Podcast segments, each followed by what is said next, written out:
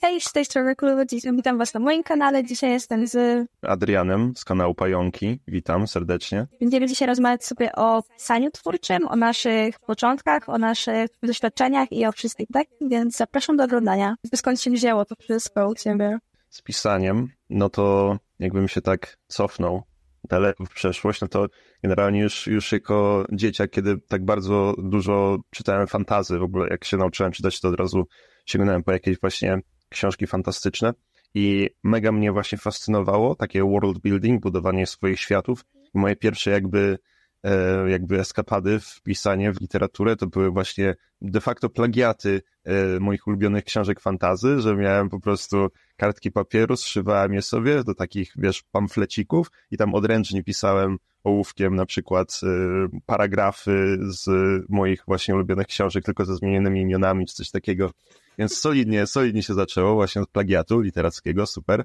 Później właśnie jakieś, jakieś własne rzeczy starałem się tworzyć, e, coraz bardziej to się oddalało od tych, e, od tych już istniejących prac. No i jakby w podstawówce, w jakiejś tam trzeciej, czwartej klasie podstawówki, to, to zacząłem pisać z kolegą takie opowiadania, gdzie wrzucaliśmy je na naszą klasę i były, były o chłopcu, który nie sprzątał swojego pokoju i zaczą, zaczęła mu taka dżungla powstawać z pokoju i różne tam stwory zmutowane z, z tego brudu i ubrań i się rodziły i musiał z nimi walczyć i e, coś takiego, nie? E, więc, więc to były moje najwcześniejsze takie początki i zawsze mi się bardzo podobało, szczególnie dawanie mojej pani od polskiego różnych takich opowiadań e, i się, no, to było całkiem fajne, no a taka już bardziej dojrzała twórczość, no to parę lat minęło, zanim, zanim się podjąłem właśnie pisania prozy. Byłem bardzo zawsze zmotywowany oczywiście, żeby napisać jakąś książkę, nie wiedziałem na początku, co to będzie. Zacząłem od jakiegoś science fiction i miałem napisane właśnie jakoś jedną czwartą tej książki. E, systematycznie dosyć pisałem ją przez, przez jakieś pół roku, e, ale no te się rozlazły dosyć plany z nią. Nie byłem zbyt zadowolony z efektu, bo po prostu warsztat mi jakoś nie dociągał, żeby, żeby napisać taką książkę, która faktycznie by się dobrze czytała, miała dobrze skonstruowane postacie i tak dalej. Więc to jakby było moje takie przejście z tego okresu naiwnego, jak miałem właśnie 16 e, chyba lat, to co zacząłem tą książkę pisać i to mnie trochę nauczyło, że dużo mi jeszcze brakuje do takiego bycia poważnym pisarzem, prawda, nie? Ale, a jak u ciebie to wyglądało? Ja w ogóle zaczęłam, można powiedzieć, pisać zanim potrafiłam pisać, bo ja właśnie też czytałam za młodu i ja mam ogólnie 7 lat starszą siostrę i to wyglądało tak, że siadałyśmy obie przy komputerze i ja jakby opowiadałam, co chciałam, żeby było w książce i ona to wszystko pisała. Mhm. Właśnie potem miałyśmy to wydrukowane, to miałam na przykład 10 stron na 4, co prawda dużą czcionką i tak dalej. I ja po prostu dorysowywałam potem jeszcze ilustracje, żeby było ciekawie i w ogóle całą okładkę robiłam. I jeszcze często dodawałam kod kreskowy w ogóle z tyłu. Hmm. Nie wiem czemu. Koniecznie, no. Jest, jest biena od razu. No, no, no. Ale słuchaj, tu się można śmiać, ale ja chodziłam po szkole i rozdawałam te książki ogólnie, e, jako ich kopie i tak dalej, więc no dość wcześnie się to zaczęło, one były takie dość um, na przykład o jakiejś syrence, o w ogóle bardzo dużo o zwierzętach, bo ja czytałam te takie serie, nie wiem, czy ty kojarzysz, takie wszystkie zaopiekuj się mną o tych kotkach, pieskach i tak dalej. Nie, no to ja miałam tego po prostu całe regały. I się też tym inspirowałam. Typowa historia, o dziewczynka jest smutna, potem dziewczynka ma pieska i dziewczynka ma przyjaciela na całe życie, nie? Typowo. I potem w sumie to się zamieniło trochę mm, poważnie, gdy zaczęłam na polskim trochę tak przesadzać z tym, jakie opowiadania robiłam, bo robiłam o wiele za dużo słów i o wiele bardziej niż przeważnie wystarczy na opowiadania, e, więc poloniski mnie uwielbiały w podstawówce. I dopiero tak właściwie w tym roku, można by powiedzieć, zaczęłam próbować z um, takimi dłuższymi formami i rzeczywiście napisałam od stycznia do połowy lutego taką, powiedzmy, powieść, która tam ma ponad 200 stron. Więc niestety się trochę bardziej za to wzięłam. Półtorej miesiąca napisałaś powieść? Na sam, same pierwsze dni stycznia do 20 lutego, chyba, 20, okay. tak po, trochę dalej niż połowa lutego, coś takiego i teoretycznie ona ma zakończenie i tak dalej, ale to wszystko jest teraz w opiece mojej siostry właśnie starszej, bo ona to wszystko przyjęła i tam powiedzmy pisze swoje uwagi do tego, więc w ogóle jej bardzo kochana, no. Co prawda w pierwszych zdaniu już miałam złą składnię, ale A, ale to mega ciekawe generalnie, bo jakbyś tak mogła zgadnąć albo mi powiedzieć, ile mniej więcej wyciskałaś słów w takim razie z, z takiego dziennego pisania, albo jak długo ci, jak długo ci zajmowało właśnie takie codzienne pisanie, bo to jest mega szybkie tempo generalnie z tego, co... Najwięcej słów w ciągu dnia to myślę, że pisałam tak na przykład 8 tysięcy może? Hmm. I nie więcej, mi się wydaje, ale um, nie jestem pewna, bo czasami były takie dni, że siadałam, pisałam godzinę, a czasami były takie dni, że od rana do po prostu snu siedziałam przy laptopie, bo się tak czuwałam to wszystko. Mm, bo też jest fakt taki, że pierwszy raz miałam rzeczywiście w porządny plan um, wydarzeń, postaci i wszystkiego, więc rzeczywiście wiedziałam jakby co pisać. Mimo, że i tak na spontanie robiłam niektóre rzeczy, więc no sporo dziennie w sumie pisałam. Super. U mnie to dużo bardziej było sporadyczne, może nie, nie wyrobiłem sobie takiej metodyki, zwykle też właśnie jakieś tam 2000 słów y, dziennie mi się udawało pisać, ale to już było takie moje e, główny limit zwykle, żeby, żeby dalej miało to jakąś, miało jakieś ręce i nogi. Ale zdarzało się też właśnie takie bardzo produktywne, że tam z 5000 stuknęło, no ale 8 to jest, to jest niezły wynik. I to jakbyś takie tempo miała regularnie, to byś była jak Stephen King normalnie, który trzy, trzy książki rocznie wydaje, czy coś takiego. Mi najbardziej imponuje to tam chyba Remigiusz Mróz tak spisał bardzo dużo, ale nie pamiętam ile on dokładnie w roku, ale on i jego tam chyba jeszcze żona mieli takie tempo właśnie. Ale wiesz co, na przykład teraz jak piszę inną powieść, to bardzo sporadycznie, nie mam już tego takiego tempa na razie, ale to też trzeba jakby patrzeć na to właśnie, że nie inspiracja czy coś i to jest najtrudniejsze, żeby rzeczywiście traktować to jako takie, okej, okay, siadam i piszę, bo jak się czeka na inspirację, to się praktycznie w ogóle nie pisze. Bardzo, no, podzielam to zdanie, zdecydowanie. I, i jakby e, możemy właśnie o tym też pomówić, czy, czy miałaś po prostu jakieś takie określone godziny, gdzie, gdzie siadałaś do komputera, czy e, jakieś specjalne sposoby, żeby się zmuszać do tego pisania, czy, czy miałaś jakiś ustalony limit, że okay, przez tyle czasu dzisiaj koniecznie piszę, czy tak właśnie sobie do tego podchodziłaś, że jak masz czas, to poświęcasz na książkę? To były takie dni typowo, że po prostu siadałam i myślałam o tym za dużo, ale chciałam siebie tak w cudzysłowie zmusić, to często oddawałam telefon mojej mamie na przykład. Ustawiałam te takie pomodoro timery, żeby na przykład 25 minut pisania, 5 minut przerwy albo też 45 minut i tak dalej. Była taka moja główna rzecz, właśnie ustalanie ram czasowych i oddawanie komuś telefonu.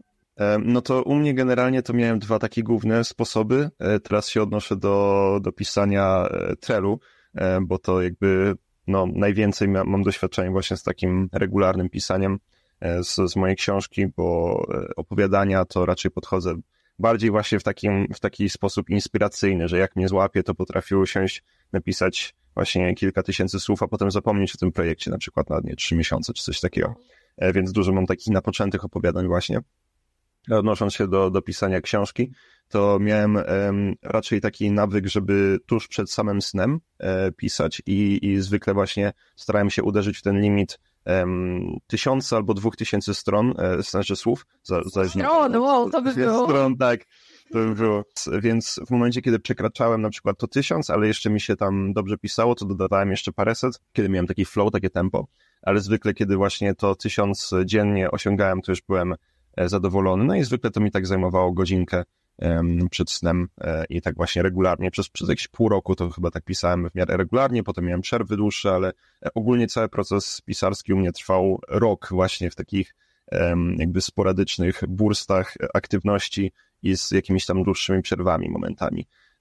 Ale jeszcze miałem drugą, drugi taki powiedzmy rytuał czy coś takiego, e, że bardzo lubiłem, jak już miałem swoją tam kawalerkę i właśnie takie silne E, parcie, że o, muszę teraz już skończyć tą książkę, sobie nalewałem e, taki kieliszek whisky e, z lodem i, i, i po prostu tak długo pisałem, aż nie dopiję, prawda, małymi łyczkami tego whisky, dlatego czasami jest taka sinusoida, że, że coraz bardziej pokręcone stają się w rozdziale, prawda, akcje, ale dlatego też, że właśnie tak, nie wiem, czy dużo pijałem, no ale, ale no je, był to jeden z moich takich właśnie ulubionych, lubianych czynności pisarskich, dlatego zadedykowałem książkę Dionizosowi. Nie wiem, czy to, czy to widać, ale właśnie...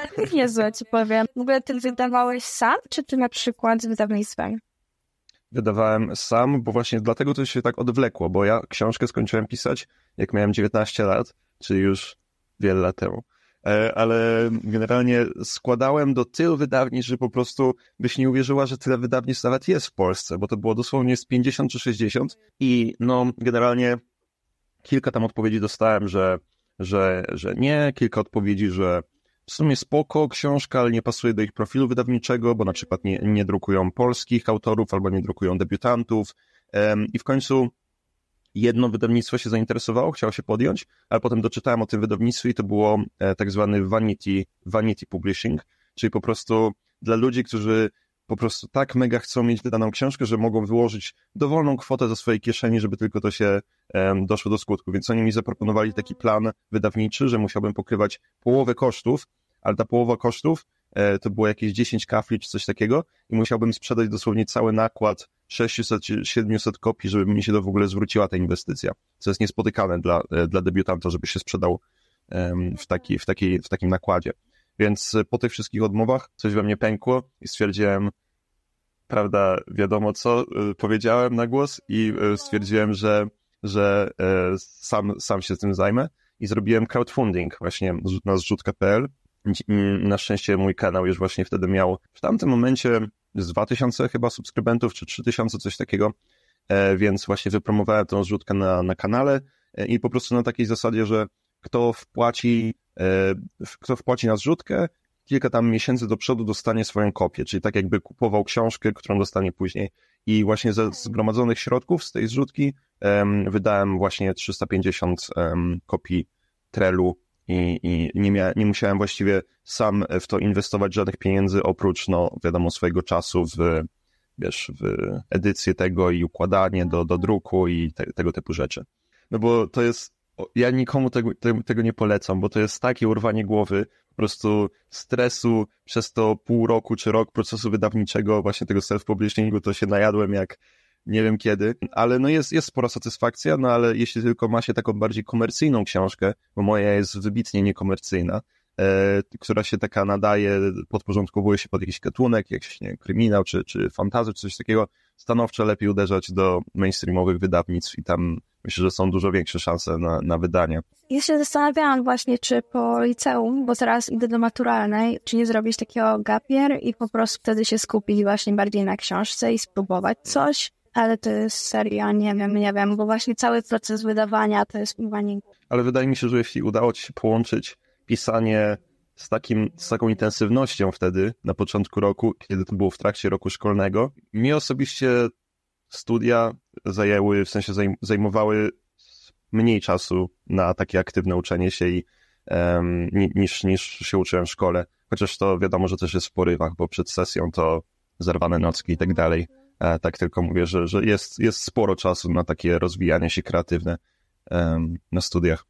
No, ja w ogóle właśnie teraz mi się nasunęło pytanie, jak tak ty sobie przyszedłeś od plagiatu do własnego stylu, bo to jest mocna zmiana. Byłem takim właśnie dużo czytającym dzieciakiem i, i myślę, że no tam y, takim, który by powiedzi byś powiedziała, że ma, ma wyobraźnię po prostu, że tam dużo moich zabaw to było po prostu wymyślanie jakichś, jakichś fantastycznych światów, scenariuszy i tak dalej. I też pomogły mi w ogóle gry RPG, które się dosyć wcześnie wkręciłem, e, typu Dungeons and Dragons, to pewnie kojarzysz. No ja akurat zaczynałem od, od Warhammera e, Fantazy, ale to też jak miałem chyba 9-10 lat, to, to zacząłem w takie gierki pogrywać.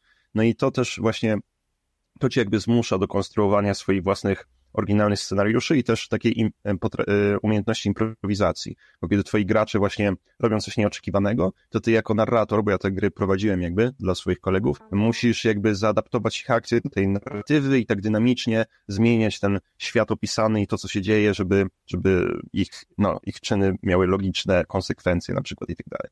Więc to jest mega w ogóle e, fajna opcja dla, dla, dla wszystkich osób takich piszących, kreatywnych, żeby właśnie czy brać udział, czy właśnie prowadzić te gry. To jest właśnie bardzo stymulujące, jeśli chodzi o taki world building i budowanie realistycznych postaci, odgrywanie no, te dialogów takich, no bo wiadomo, że w grze musisz faktycznie te słowa mówić na głos na przykład, żeby przekazać je drugiemu graczowi, no to wtedy sama słyszysz po prostu, czy to brzmi sztywno, nienaturalnie, czy ma taki flow fajny, więc to też myślę pomaga w pisaniu postaci. Ale nie wiem, czy był jakiś jeden moment, gdzie właśnie no tak się przeskoczyło mi coś do, do takiej bardziej oryginalnej prozy, e, ponad to, że, że no, po prostu moje najwcześniejsze e, prace twórcze to właśnie były widocznie inspirowane mocno takimi książkami, które mi wtedy mocno siadły, a potem z czasem się stawały coraz, coraz oryginalniejsze, że tak powiem. Możemy właśnie, bo, bo to mnie zaciekawiło, jak mówiłaś, że już miałaś wszystko tak rozpisane, wszystko jakby zaplanowane, kiedy pisałaś,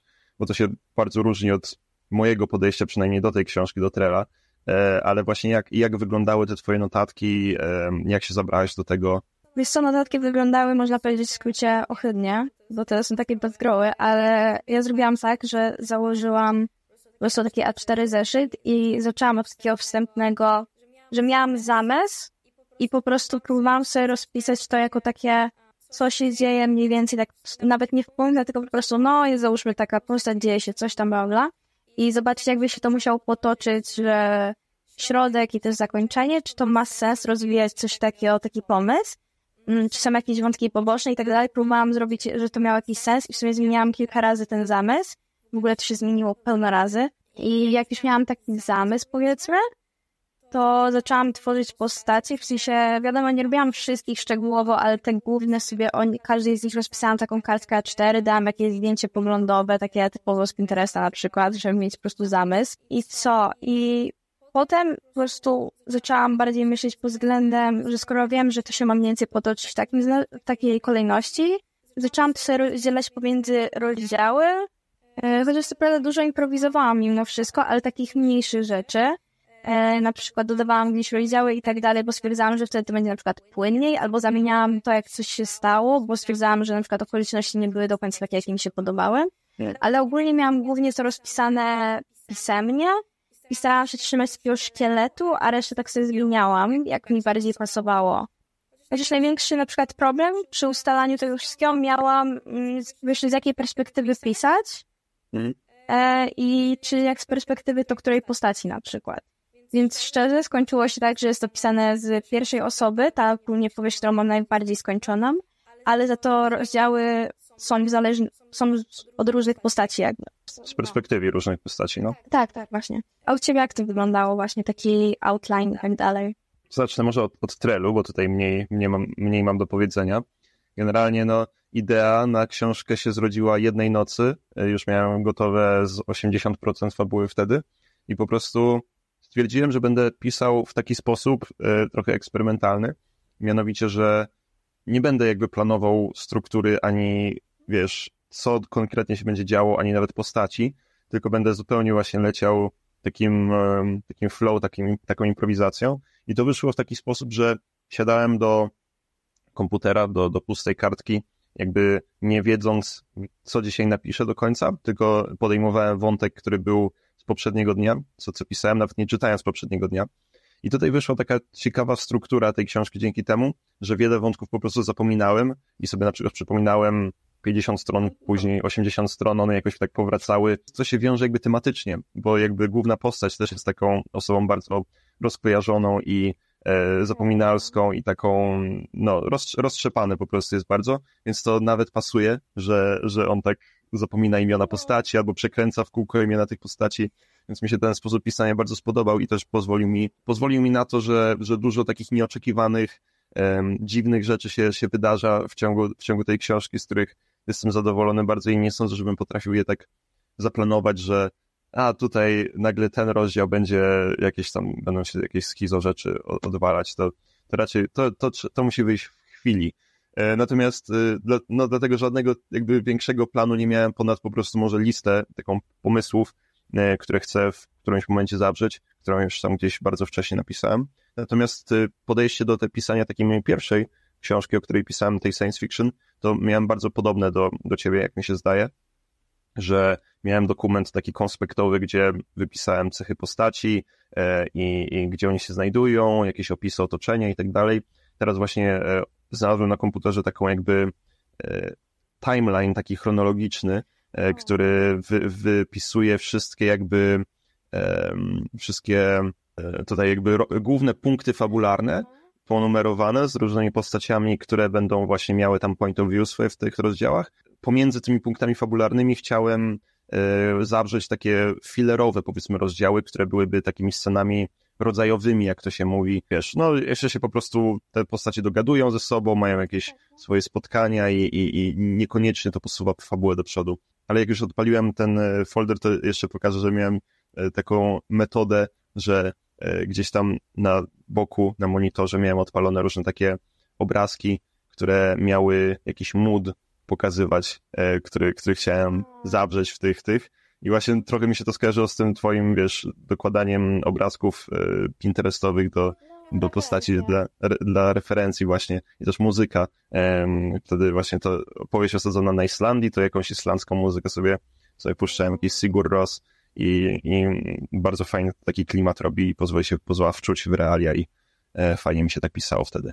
Natomiast, e, no i, i, właśnie jedyny problem miałem wtedy, że, że te punkty fabularne, na nich się skupiałem i zauważyłem, że bardzo szybko opisałem główną część fabuły, a za mało jeszcze miałem doświadczenia w pisaniu takich scen, gdzie nic się nie dzieje, tylko te postacie ze sobą wchodzą w relacje, jakoś tak się kształcą jako prawdziwi ludzie w umyśle czytelnika, a nie, nie tylko jako mechanizm do posuwania fabuły. Ja też gdzieś dalej się tego uczę, bo jednak, nie wiem, lubię mieć dużą dynamikę, ale też, żeby nie zrobić z tego właśnie takich maszyn, że po prostu są pokazać historię, tym bardziej, że Wydaje mi się, że większość osób woli, jak historie są kierowane postaćmi, niż samym plotem jakby. Przynajmniej wydaje. Tak, to też jest ważna zasada w, w RPGach właśnie, żeby dawać faktycznie postaciom graczy swoją taką agencję, że to oni sterują niejako tymi wydarzeniami, a nie tylko wydarzenia się im przydarzają, bo to jest tak zwany wtedy railroading, że oni tylko siedzą jakby na swoim, na swojej ciuchci, na swoim wagoniku i dookoła nich za oknami się przesuwa fabuła, prawda? I oni tylko jadą do przodu bez żadnego, z żadnej swojej e, siły sprawczej. Więc to jest duży, duży błąd w prowadzeniu takiego RPG i tak samo się wydaje w pisaniu książki, że no, się stawia wszystko na, na tą kartę fabuły, a nie ma się takiego poczucia, jakby to się faktycznie prawda, postacie mm, zgłębiały tą fabułę, czy, czy się przyczyniały do jej rozwoju.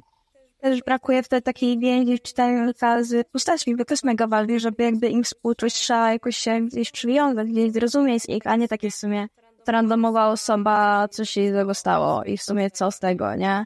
To jest trudne dla mnie na przykład osobiście takie tworzenie więzi z postaćmi. Jedna z takich najważniejszych rzeczy, mam wrażenie, to jest um, znalezienie tego złotego środka, bo idzie dużo różnych rad z różnych stron, tego więcej, tego mniej i człowiek nagle jest jak, okej, okay, tego trzeba więcej, to robię to na 200%.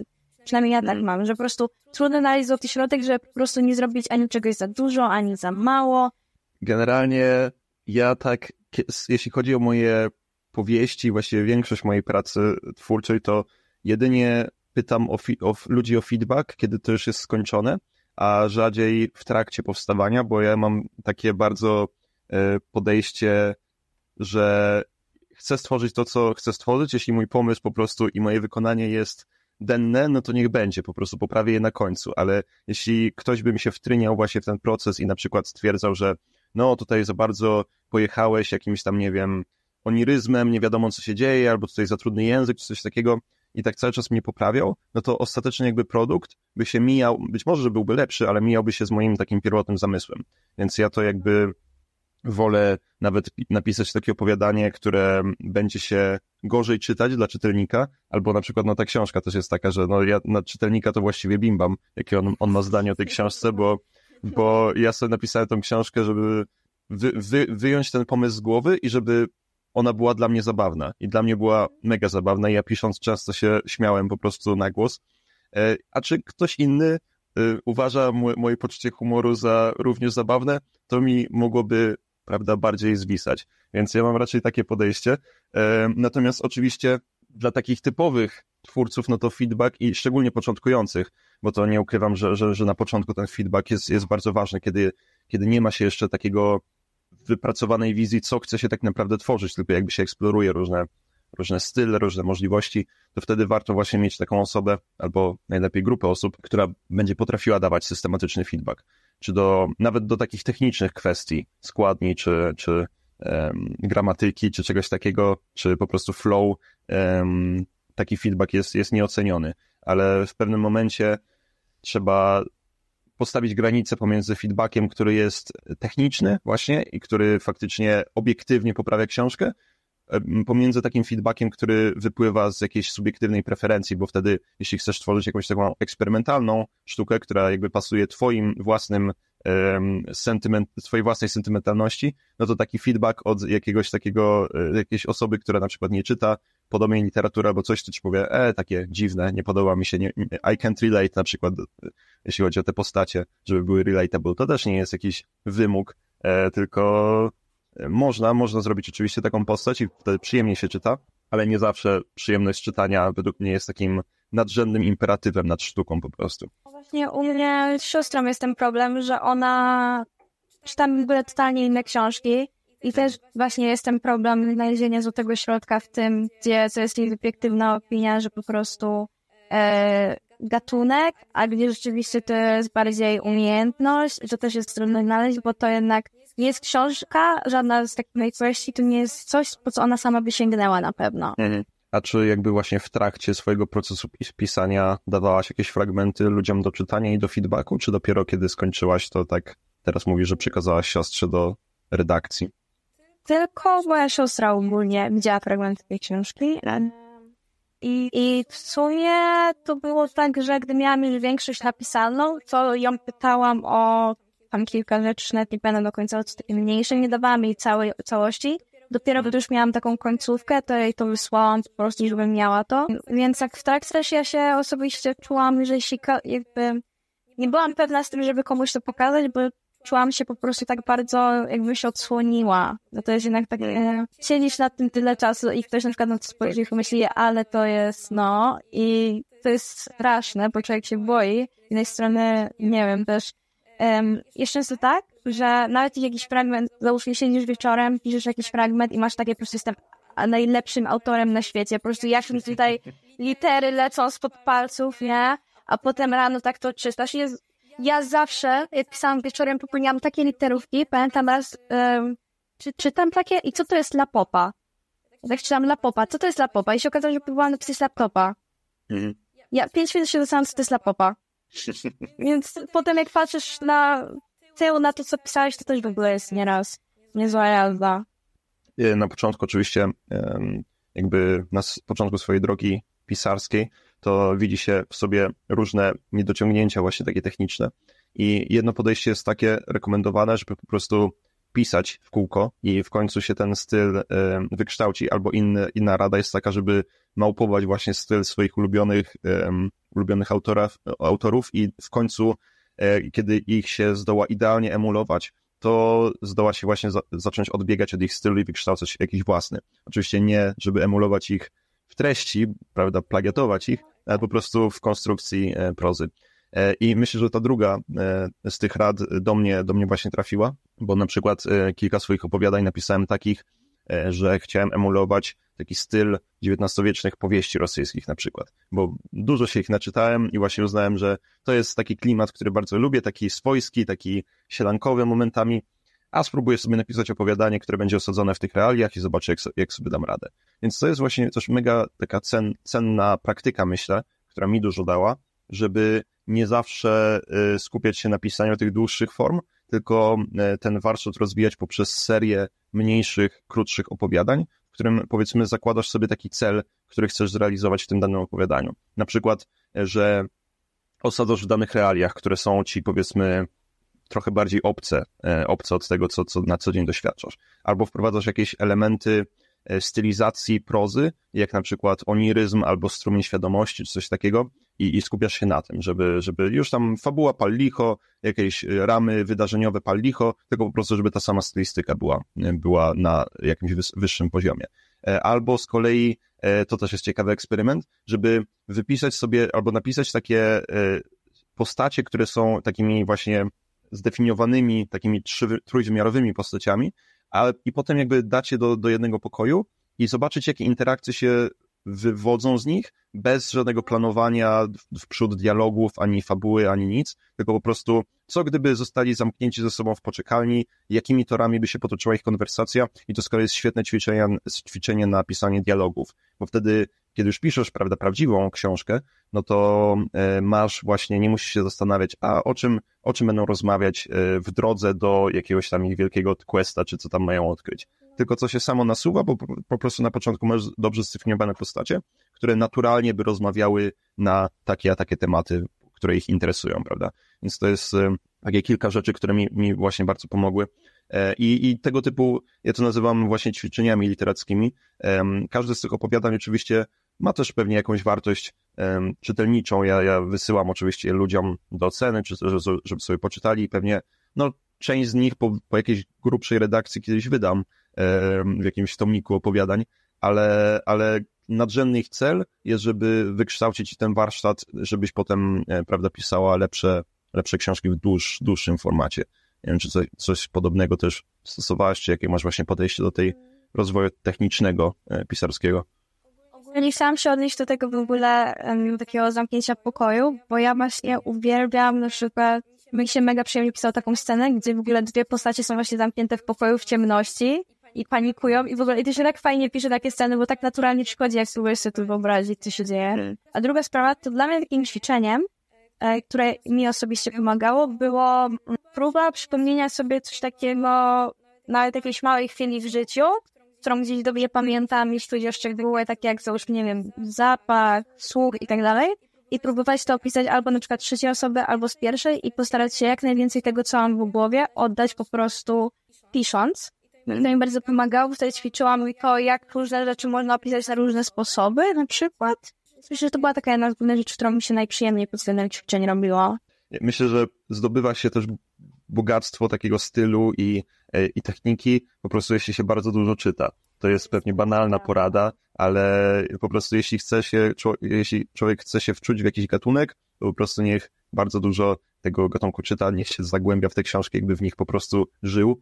I co ciekawe, ta porada się aplikuje do poezji też bardzo. Ja, ja czasami no, lubiłem sobie popisać wiersze, już, już raczej tego nie robię, bo wychodziły mi marne, ale jeśli ktoś właśnie szuka takiej inspiracji do pisania wierszy i, i chce pisać lepsze wiersze, to nie ma na to lepszej rady, jak tylko po prostu pochłaniać wielkie ilości poezji. Potem same się y, nasuwają jakieś, jakieś fajne właśnie metafory, rymy czy, czy koncepty na wiersze. Ja to miałem tak, że po prostu się człowiek, nie wiem, budzi w nocy, czy idzie sobie na spacerze i wpada jakaś fraza, zapisuje się tą frazę i potem na jej podstawie buduje, konstruuje wiersz. I to właśnie wszystko, wszystko wynika z oczytania, więc to jest też duża motywacja dla e, takich właśnie początkujących autorów, żeby, żeby mieć dobrą, zdrową proporcję pomiędzy po prostu właśnie jakąś pracą twórczą, a pracą odtwórczą, powiedzmy, czyli czytaniem i analizowaniem, co ci się podoba po prostu w tych książkach, które, które czytasz. No, mi na przykład bardzo pomogło w ogóle posiadanie kartki długopisu koło łóżka, bo zawsze w nocy przychodziły mi na więcej pomysłów i nawet na ślepo po prostu pisałam, co myślałam i wtedy się nie stresowałam, że to zapomnę, ale potem rano miałam bandgrow, jakieś słowa kluczowe i miałam takie, pamiętam raz miałam takie po prostu napisane duże alkohol, nie? Ja tak siedziałam takie, Boże, co ja miałam na myśli, nie? Ale to ogólnie mega pomaga mi. Żeby się napić pewnie. Nie, no ja przeważnie po prostu mówię dziękuję za oglądanie, buziaki pa, czy coś. Dziękuję za oglądanie. Buziaki, czy coś. No, siema.